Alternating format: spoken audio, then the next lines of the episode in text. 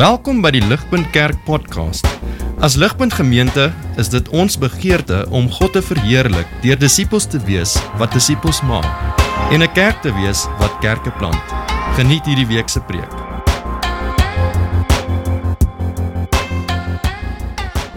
Ek besef, ek besef dis ek maak 'n klassiek fout want ek is nou 'n bietjie ouer dat 'n mens eh, dalk 'n na 'n liedjie kan verwys wat nie almal ken nie want soos ek dink hierdie is soos 'n 'n redelike nuwe liedjie en meeste van julle was nie gebore toe die sang uitgekom het hè.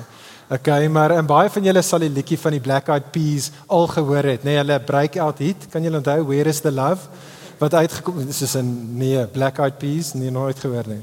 Okay. Dit was eintlik 2002, so party van julle was Jenny nie gebore nie. Maar um, hulle hulle eerste lied, Where is the Love? begin met hulle wat sing met hierdie vraag wat hulle vra die die die sanger vra dit vir sy ma en hy sê what is wrong with the world mama? Dis nie daai net kom nou op. What is wrong with the world mama? En dan wat hulle in die liedjie lys is alles wat fout is in die wêreld nê. Nee, hulle verwys na dinge soos terrorisme en rasisme en oorloë en twis leuns korrupsie die gebrokenheid van gesinne word na verwys in die lied die gebrokenheid van die wêreld en die samelewing om ons en dan die bekende woorde wat hier bo op die skerm is wat baie van ons ken, ek gaan dit nie sing nie. Ehm um, maar ek kon. Ehm um, in die koorgedeelte gaan as volg: People killing and people dying, children hurt and you hear them crying. Can you practice what you preach or would you turn the other cheek? Father, Father, Father, help us. Send some guidance from above. For these people got me questioning where is the love? En die rede hoekom daai lied dink ek so treffer was, nie net omdat dit 'n nice tune is nie. Dit is 'n baie lekker liedjie, maar ek dink omdat die boodskap resoneer met meeste van ons. As ek en jy net dink oor die wêreld om ons, of jy nou dit kyk op social media daar buite ver weg of baie naby en jy kyk dit tot naby in jou eie lewe, hoe dit in jou lewe gaan, dalk in jou familie of in jou vriendegroep en in jou eie lewe, die verhoudings waarin jy staan, dan dan dan sit ons met hierdie einste frustrasie, hierdie einste wroging in ons hart. Ons kyk na alles en die wêreld ver weg en naby is messed up. Dis messed up. Dit is gebroke en liefdeloosheid kenmerk die storie van ten minste dis die ding wat ons headlines maak daar buite en as ons dink om ons is dit die seer goed wat ons so baie kere tref en wat ek en jy onthou. Op die beste van tye is ons is die sanger daar want hy begin om te praat van sy ma maar dan praat hy van nie sy aardse vader nie, nee, hy praat van God. Father, Father, Father, send some guidance from above. En ek dink ons almal was al op daai plek. Selfs as jy so sit en jy is nie 'n Christen nie. Okay? Selfs as jy nie 'n Christen is nie, jy bid ook. Okay? Jy bid ook. En ons almal het al uitgeroep na God en gesê God, hoekom die gemors? Hoekom is dit so messed up? Hoekom al die gemors, die liefdeloosheid? Where is the love? En ek begin hiermee vriende want hierdie gedeelte wat nou net vir ons gelees was, is God se antwoord op dit. Ons baie antwoorde in die Bybel op dit, maar hier is 'n baie goeie antwoord op die vraag waar is die liefde? En in Johannes 13 gee God vir ons daai antwoord en dit is wat ons nog gaan kyk. Nou jy mag hier so sit en vir 'n oomblik dink poen. Ons het baie gesing oor liefde. Jy begin nou om oor liefde te praat. Ek het gedog ons praat vanaand oor dienaarskap. Hier is die korrelasie tussen die twee en hierdie is super belangrik. So hoor asseblief tog mooi, ons gaan terugkom na dit toe. Vriende, ons kan nie, ons kan nie as gelowiges begin om Jesus as dienaar te verstaan, te verstaan of te voel, dit te besef of te beleef dat Jesus 'n dienaar is as ons nie liefde verstaan nie. Skei liefde en dienaar en nie een van die twee maak eintlik vir jou sin nie. Dit is nie ware liefde nie, dit is net Hollywood romantic bump as daai tipe van liefde of dit is nie regtig dienaarskap, dit is slawerny aan die ander kant. So jy kan nie die twee skei nie. Ek en jy, vriende, ons gaan nooit dienaars wees van ander as as liefde nie die spulpunt is, die beweegrede is, die hartklop is vir ons bestaan nie. Dit is hoekom ons vanaand begin hierso en dink oor liefde. Liefdelose dienaarskap soos ek gesê het is niks anders as slawerny nie. Liefdelose dienaarskap is kragteloos. Dit is waardeloos. Dit verheerlik verseker nie vir God nie. Dit gaan nie die wêreld verander nie. En so as ons vanaand saam dink oor Jesus, die dienaar van alle dienaars, sien die liefdevolle Jesus vanaand. As ek en jy dink om oor dienaars te wees, 'n mens wat agter Jesus aanstap. Kom ons maak seker ons beweeg beweeg nie ver weg van liefde af nie. Dit is wat ons oor gaan kyk. Kyk gefvinnig by my as jy jou Bybel byderhand het. Dit gaan dalk moeilik wees om dit op die skerm te kyk. So hopelik het jy jou Bybel byderhand. Die hele gedeelte word ge 'n boekends deur liefde. Het jy dit opgetel in ons gedeelte? Vers 1 begin vertel vir ons van Jesus se liefde vir sy disippels. Vers 1 Vers 34 einde van die boekend vertel ons waar Jesus hierdie opdrag gee aan sy disippels om liefde te betoon. So dit begin met liefde, dit eindig met liefde. Dit gee vir ons die struktuur vir wat ons oor vanaand gaan gesels. Hierdie twee idees, hierdie twee punte. Ons gaan eerstens kyk na Jesus se liefde vir sy disippels. En dan gaan ons saam nadink oor Jesus se liefde in sy disippels of Jesus se liefde deur sy disippels. Okay, Jesus se liefde uh Jesus se liefde vir sy disippels en dan Jesus se liefde in sy disippels. Kyk gou saam met my daar. As jy enigstens die teks by die rand het vers 1 tot 11, Jesus se liefde vir sy disippels. Die apostel Johannes vertel vir ons vers 1 baie belangrik dat nou hierdie gebeure wat hier afspeel wat vir ons gepen is in Johannes 13 vind plaas reg voor die begin van die Pasga. Die Pasga is natuurlik daai bekendste van Ou Testament Joodse feeste wat die Jode tot vandag toe vier Jode vier dit maar wat hulle gevier het soos wat hulle teruggedink het oor daai definitief gebeurtenis in die lewe van Israel. Toe God hulle voorvaders uit Egipte uit slawerny uit bevry het by wyse van die paaslam en julle ken die storie van Exodus wat die die, die lam wat geëet moes word bloed in die kusyne sodat God se woede kon pas oor. Okay, so daai is die ding wat Jode vier. Johannes vertel vir ons dit is nou daardie tyd in die kalender van Israel soos wat Jesus nou bymekaar kom. Wat ons ook weet is dat hierdie is letterlik ure voor Jesus se kruisdood. En inderdaad alles wat ons het in Johannes 13 tot Johannes 17 staan bekend as die bokkamer toespraak of uh wat is die Engels vir dit?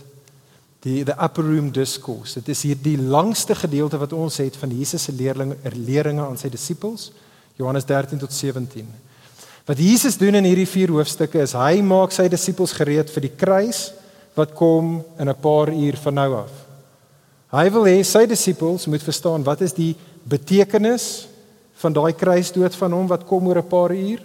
Jesus wil hê hulle moet verstaan wat is die implikasies van sy kruisdood oor 'n paar uur. En die eerste les in hierdie hoofstukke wat hy vir hulle leer, die heel eerste ding wat hulle moet verstaan, as hulle dink aan die kruis, betekenis en implikasies, is liefde. Hulle het nodig om liefde te begryp. Kyk vers 1, having loved his own, his own disciples who were in the world, he loved them now to the end. Tot by die einde toe gaan Jesus hulle lief hê. Die NIV vertaal dit anders dan is 'n Dit is 'n goeie armdruk wie se vertaling is die beste. Die NIV sê Jesus showed them the full extent of his love. So ons is nie seker is dit Jesus se liefde tot die einde toe of die volle omvang van sy liefde nie 10 teen 1, 'n bietjie van beide en dit is ook hoe my vertaler sukkel om dit te vertaal. En so dit is wat Jesus nou gaan doen. Hierdie is hoe hy daai les oor die omvang van sy liefde vir hulle nou gaan leer. Hy doen vers 2 tot 11. Julle ken die storie. Hulle sit nou aan, dit is die Pasga maal en Jesus gaan. Hy staan op. Hulle het gesit lê. Jesus staan op. Hy haal sy boekleed af. Almal kyk vir hom. Hy vat 'n handdoek en hy bind dit om sy middel, om sy lyf vas. En Jesus kry 'n bak water en hy vul die water en hy sak op sy knieë af en hy begin stadig maar seker elkeen van die disippels se voete te was. Nou ek en jy moet hierso stop en net indrink hoe absoluut skokkend dit is wat Jesus hierso doen. Vir dit het ek en jy nodig om die konteks, die kultuur te verstaan. Onthou in daai tyd het hulle nie teerpaaie gehad soos ons nie, hulle het grondpaaie gehad. Hulle het nie straatligte gehad. Ek ons het ook nie gegee vir light sharing straatligte nie. Okay, maar vergeet dit, okay? Hulle het glad nie lig gehad nie en hulle het grondpaaie gehad. Hulle het nie met tekkies met Nikes rondgeloop nie. Hulle het met sandale geloop, okay? Soos jy aangekom het by 'n plek, dan's jou voete sweterig, dis vuil, jy dalk in donkie mis getrap, dis nie lekker nie, okay? Dit wat dit verder nogals 'n probleem maak as jy met vuil voete aankom by 'n ete, is dat jy net nie by 'n tafel gesit en met 'n mes en 'n vork geëet by 'n stoel nie. Jy het aangelê by die tafel. OK, so jy het so semi so gesit by hierdie laattafel wat beteken is my voete is in jou gesig. Jou voete is in iemand anders se gesig. Dit is baie belangrik dat ons almal by 'n maaltyd skoon voete gaan hê in daai tyd. En vir daardie rede hierdie gebruik van om voete te was. Maar dit is nie 'n lekker job nie en so dit was benede Jode gewees. Jode het nie voete gewas nie. Hulle heidense slawe het voete gewas. En hier kom Jesus.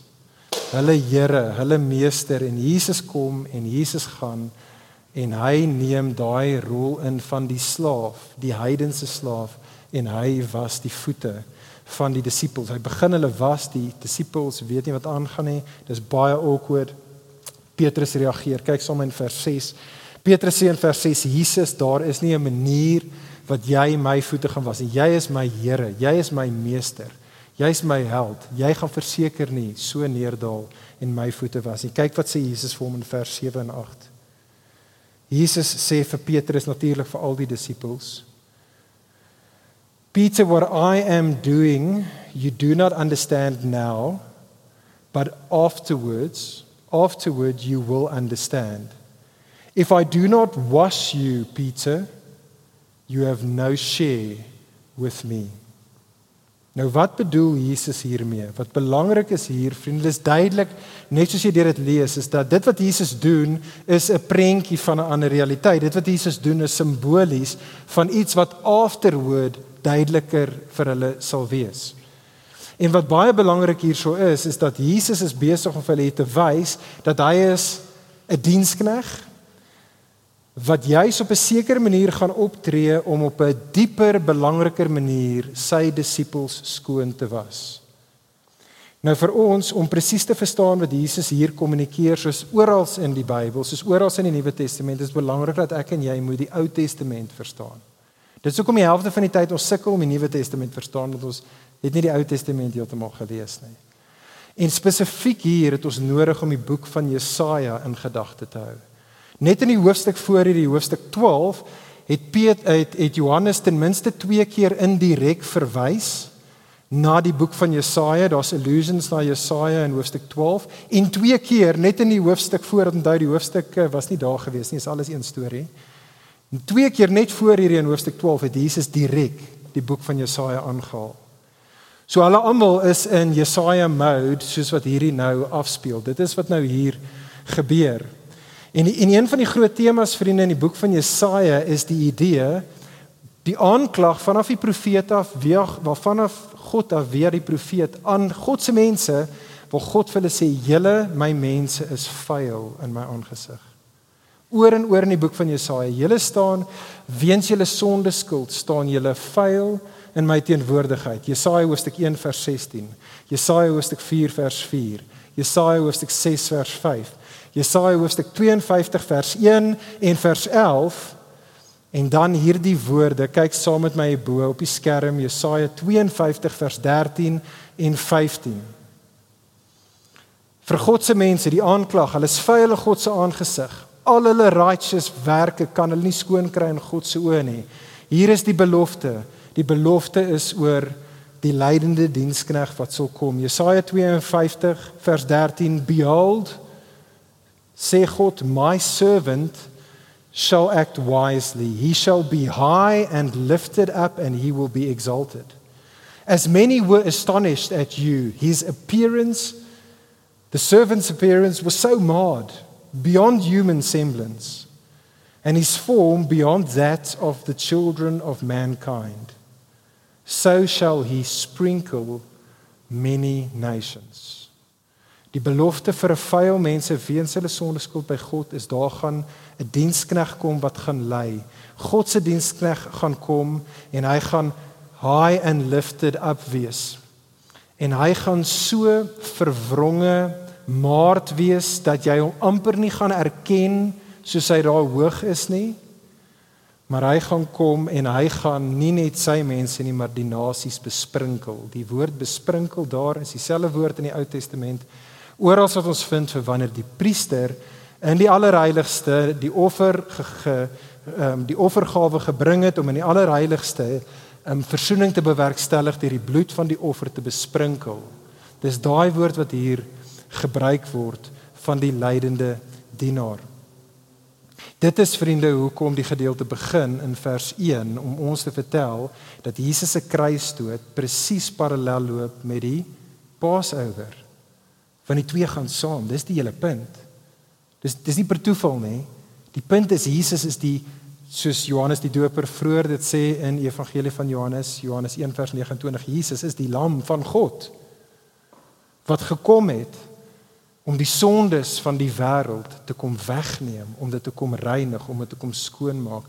Vriende, dit is wat Jesus hier aankondig. My ek het vroeër hierdie week toe kom ek op 'n ou video af. Dit is soos dit is honestly die cutest ding. As enige van julle na die tyd kan ek dit vir julle wys hier, die video. Dit is die cutest video. My vrou het dit vir my ehm um, ek het hierdie week weer gesien, maar dit is 'n video wat my vrou geneem het 'n klomp jare gelede. Ek was oor see vir 'n werksding vir baie lank uh vier klein kindertjies op daai stadium, nog steeds vier, maar hulle was toe tussen 0 en 4. By my ja, laaitjie was nog nie een nie. Uh en die dogtertjies was uh wat is dit? Amper 3, my oudste laaitjie was amper 5.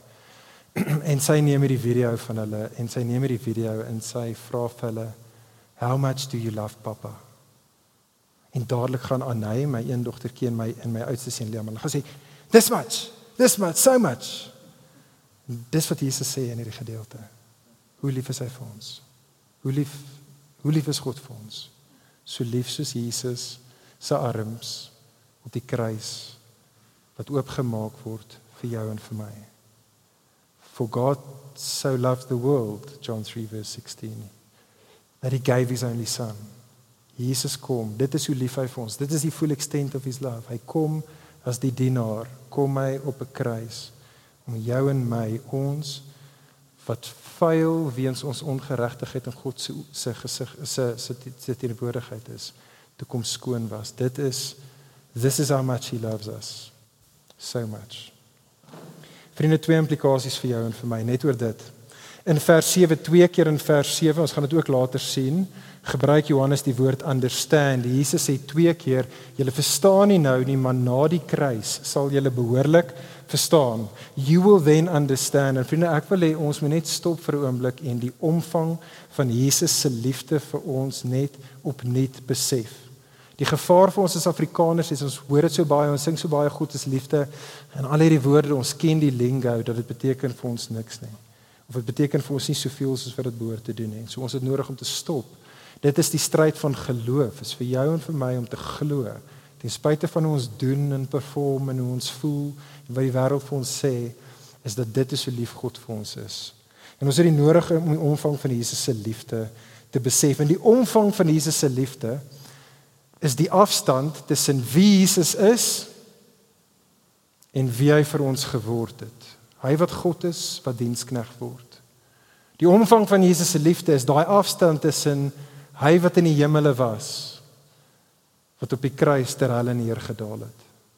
Hoor hierdie woorde van hoe Paulus presies hierdie punt maak in Filipp uh, uh, Filippense Philippians 2 vers 6 tot 8. Kyk saam met my op die skerm bekende woorde. Christ Jesus who though he was in the form of God did not account equality with God a thing to be grasped but he emptied himself by taking a form of a servant being born in the likeness of men and being found in human form, he humbled himself even more by becoming obedient to death, even to death on the cross. Vriend, vriendin, stop net gou vir 'n oomblik te hoor en reflekteer daaroor.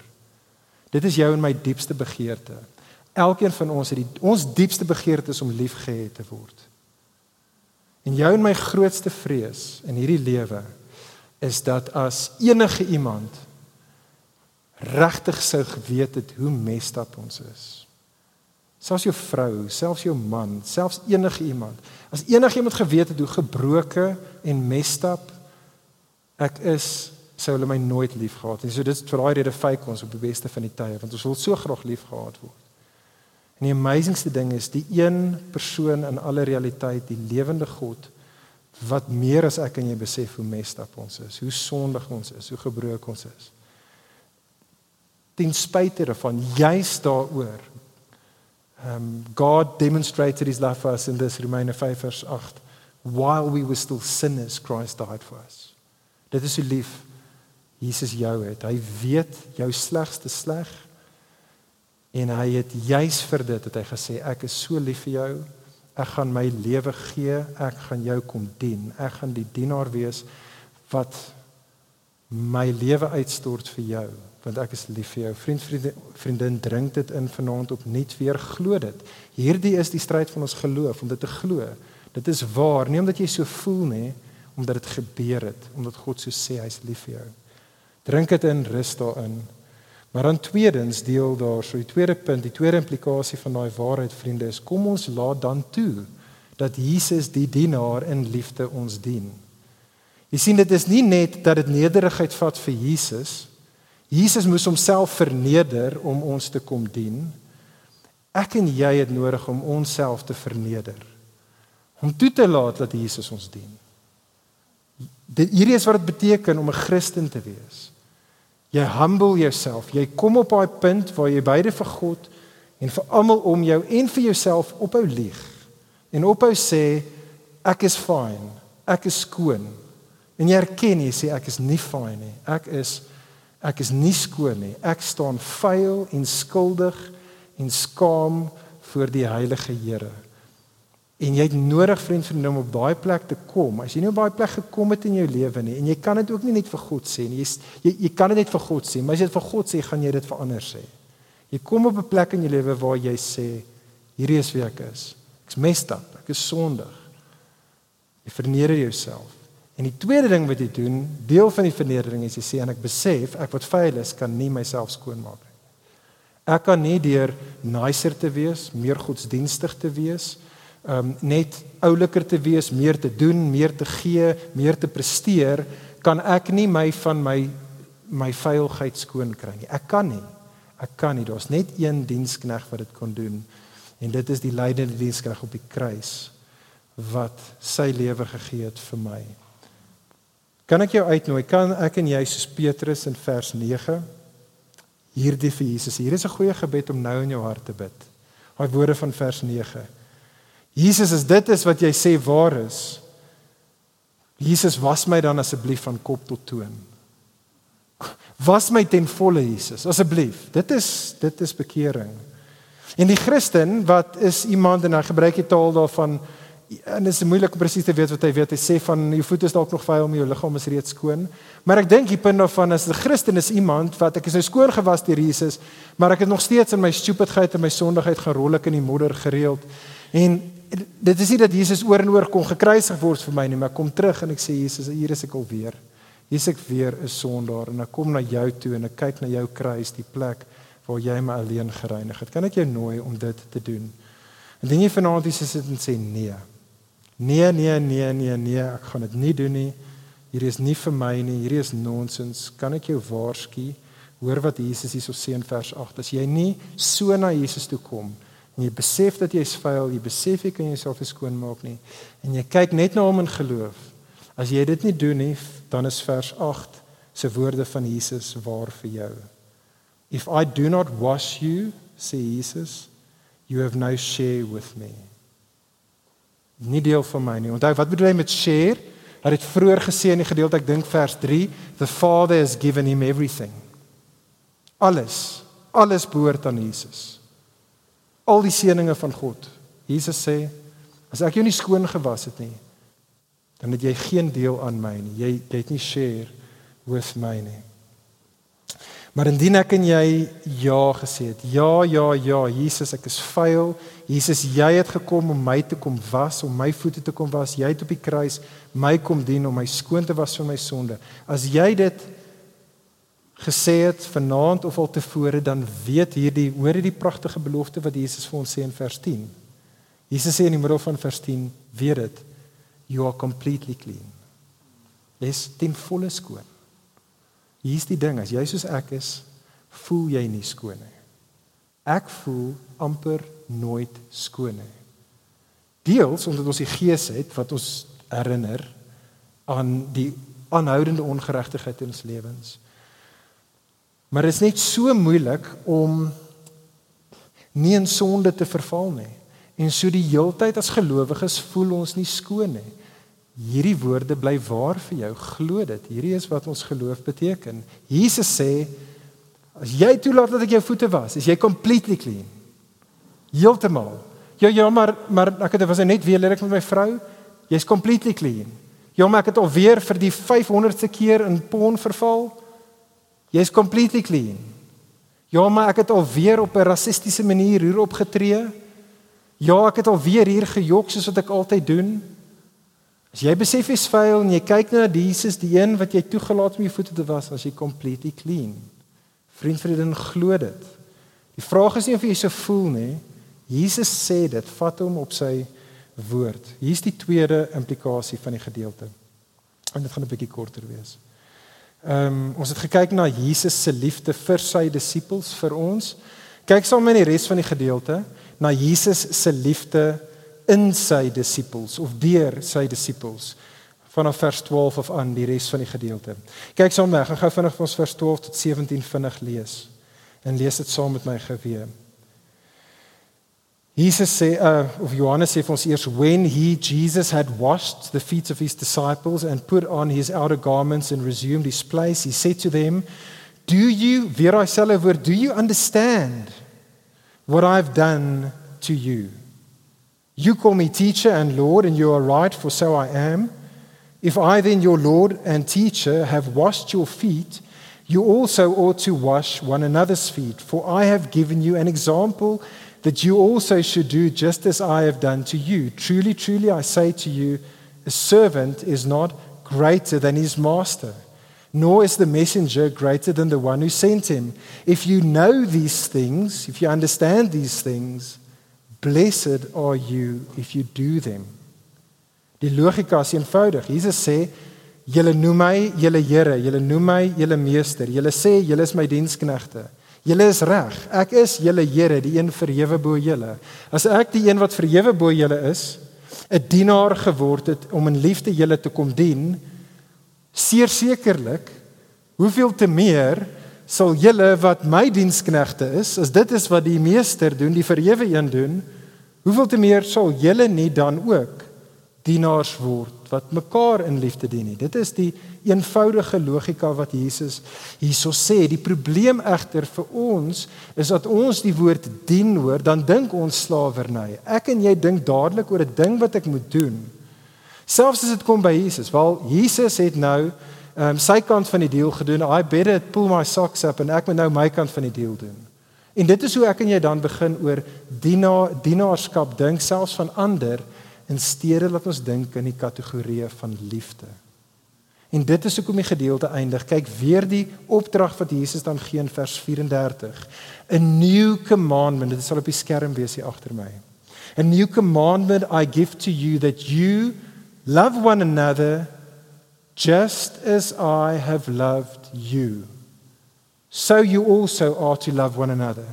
So beide my voorbeeld, dis beide die model van hoe julle mekaar moet lief hê, maar dit gebied ook vir julle die motivering. Just as I've loved you, you also are to love one another. By this all people will know that you are my disciples, if you have love for one another.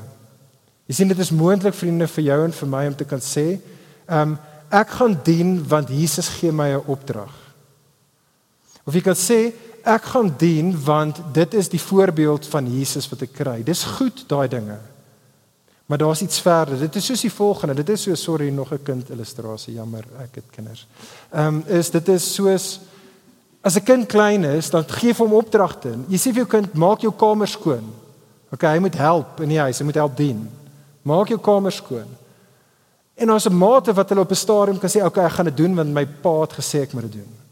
'n Beter ding is as hulle op die punt kom hulle sê, "Ek gaan dit doen want ek sien my pa en my ma dit ook doen." Maar daar's iets meer as dit.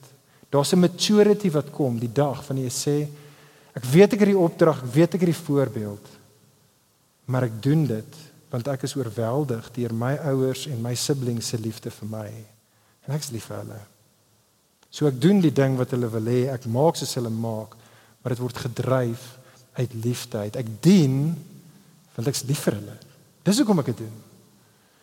En vriende, dit is wat in effek ons hier geroep word. Dis 'n full circle. sien jy die full circle? Jesus is lief vir jou en vir my om te lief is vir ons.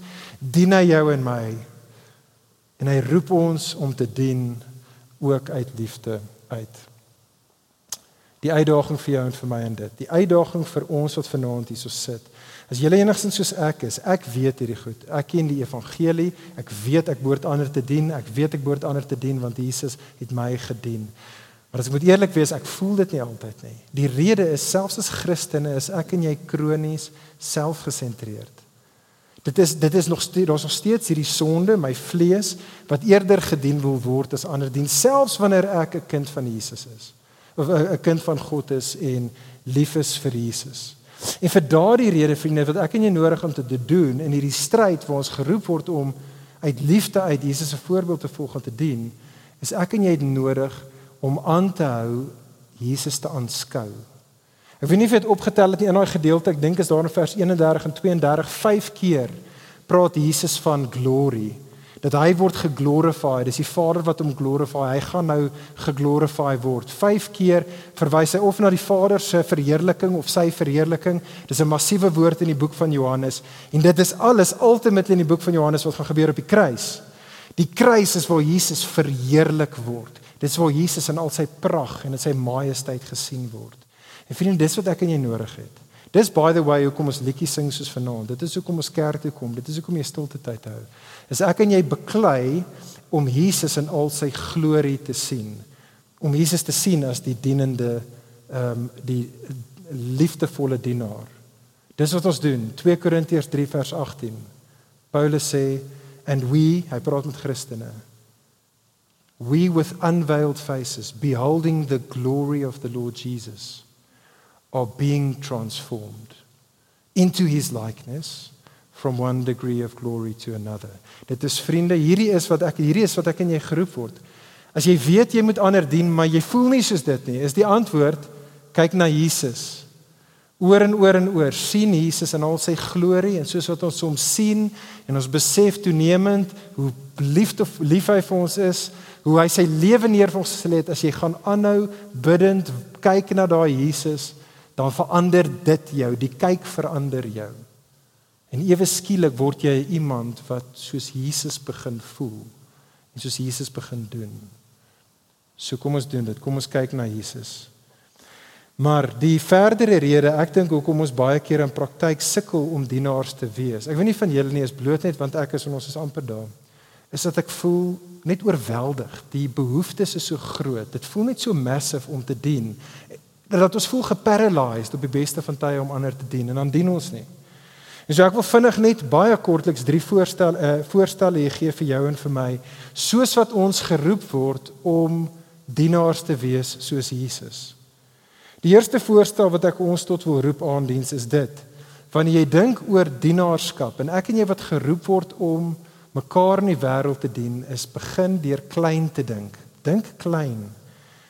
Die voorbeeld hier is voete was. Voete was is nie 'n groot ding nie. Meeste van ons dink, hoor jy ek ek moet die wêreld verander. Jesus roep vir my om world hunger uit te sort. Maar die antwoord is nee. Hy roep ons om mekaar se voete te was. Dit is iets wat ons kan doen. Net hierna gaan Stefan opkom en hy gaan hier op die skerm dink ek 'n paar dinge noem en later in die week gaan hulle vir julle hier by die aanddiens meer praktiese tangible klein doenbare kategorieë gee waar ek en jy kan dien. Vriende, voor ek en jy die ou gaan wees wat world hunger gaan uitsorteer, gaan ons eers hier mekaar moet dien. Ons gaan dit eers hier moet uitfigure in die klein voete as goeters. Voordat ons die wêreld gaan verander, moet jy eers jou bed opmaak. Dit is hoe dit werk. As jy nie jou bed opmaak nie, moenie dink jy gaan die wêreld verander nie. En dit is die punt hier, vriende. Kom ons dink klein. Tweede ding, kom ons dink gesamentlik. Daai opdrag in vers 34, die commandment to you is in die meervoud. Dis nie vir jou alleen nie, dis vir ons en dit is goeie nuus. Dit is goeie nuus want dit beteken ek hoef nie alleen hierdie onmoontlike take te doen nie, ons het mekaar. Dis hoekom jy in 'n ligpunt gesin is sodat jy saam met ander mans en vrouens kan wees disippels van Jesus wat geroep word om te dien. Maar jy weet jy kan dit nie alleen doen nie. Ons het mekaar, mekaar se bemoediging, mekaar se gawes nodig om te kan saam dien in 'n ligpunt gesin en by aandiens saam te kan dien. en aanddiens saam met Ligpunt se oggenddiens om saam te kan dien en Ligpunt saam met die ander kerke in die Union om saam mekaar te dien en die kerk in Afrika en in die wêreld om saam hande en, en, en voete te vat en saam te dien. Ek en jy soos dit ons hierso staan en ek was net hier 'n ou voet en jy was daar 'n voet. Voel dalk nie asof die wêreld kan verander nie, maar 'n weermag oor die wêreld van God se mense wat saam Jesus se commandment antwoord en beantwoord en gehoorsaam. Ons kan 'n groot huis staan saam slaan. Saam slaan. Laaste ding. So dit is dink klein, dink gesamentlik, derdens dink langtermyn. Vers 1 Jesus loved them to the end. Ek dink die gevaar met millennials en met Gen Z's, is dit wat julle julleself noem? Okay, almal wat hipster is basically, okay? Ehm um, ek grap, soos in maar ek dink die gevaar. Ek dink julle is 'n awesome generasie, by the way. Ek dink julle is 'n awesome awesome generasie.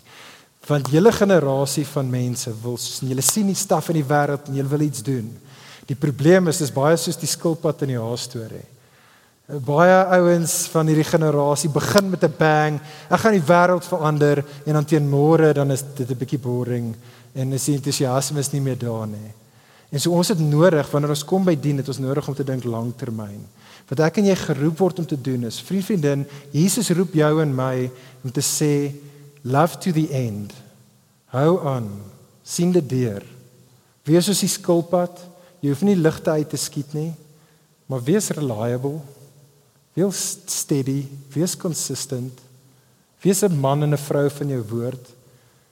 Hou aan dien in die klein manier nog volgende jaar, oor 5 jaar, wanneer jy 80 is en jy's in 'n rolstoel, dien nog steeds. Love to the end.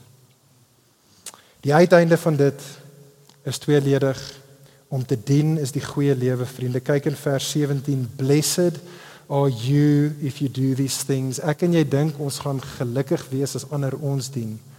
Dit is 'n leuen van die duiwel af. Jy gaan op jou gelukkigste wees. Jy gaan geblessed wees. Daai woord blessed is happy. Happy are those if that serve that wash one another's feet. Hierdie is die goeie lewe. Stort jouself uit vir ander en jy sal die gelukkigste persoon wees wat jy kan wees. En die verdere laaste uiteinde as ons dit doen, sal ons 'n advertensiebord wees van Jesus vir die wêreld. Kyk na vers 35, die laaste vers. By this all people will know that you are my disciples if you love one another. Vriende, hierdie is evangelisasie. Ons praat volgende week oor sendelingskap ook hierdie week. Eintlik elke week. As ons mekaar dien, dan sien hulle vir Jesus. Hulle sien die lydende dienaar. Hulle sien Jesus in al sy glorie. Die Gees trek hulle in geloof na Jesus toe soos wat ek en jy dien. Dit is wat ek en jy ingeroep word. Ek sluit af weer met daai woorde van daai liedjie. Die vraag in die liedjie is daar where is the love? Father send us some guidance from above. Antwoord is hy het in die persoon van Jesus. Jesus is God se liefde vergestald in lewende lywe soos hy op hierdie aarde geloop het, soos op die kruis gesterf het om jou en my te dien. En as jy rondkyk hier hier by aandiens soos ons mekaar dien, sien jy Jesus. Jy sien die liefde. Dit dit hier ons is die antwoord op 'n wêreld wat seer en moeg en swaar is. Van die wêreld is mestap. Maar Jesus is hier om skoon te was en heel te maak. Kom ons bid saam.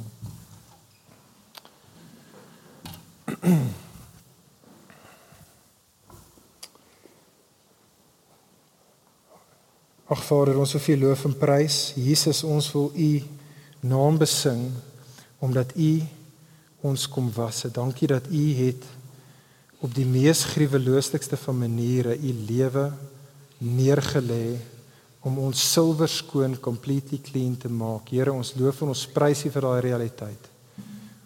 Maar ons bid en vra dat U ons nie daar sal los skoon en lekker gemaklik vir onsself nie, maar dat U ons sal slyp en vorm, gevul met liefde vir die liefde wat ons ervaar het, sodat ons mekaar en ander sal dien. Here, maak ons so mense, maak ons so 'n geloofsgemeenskap.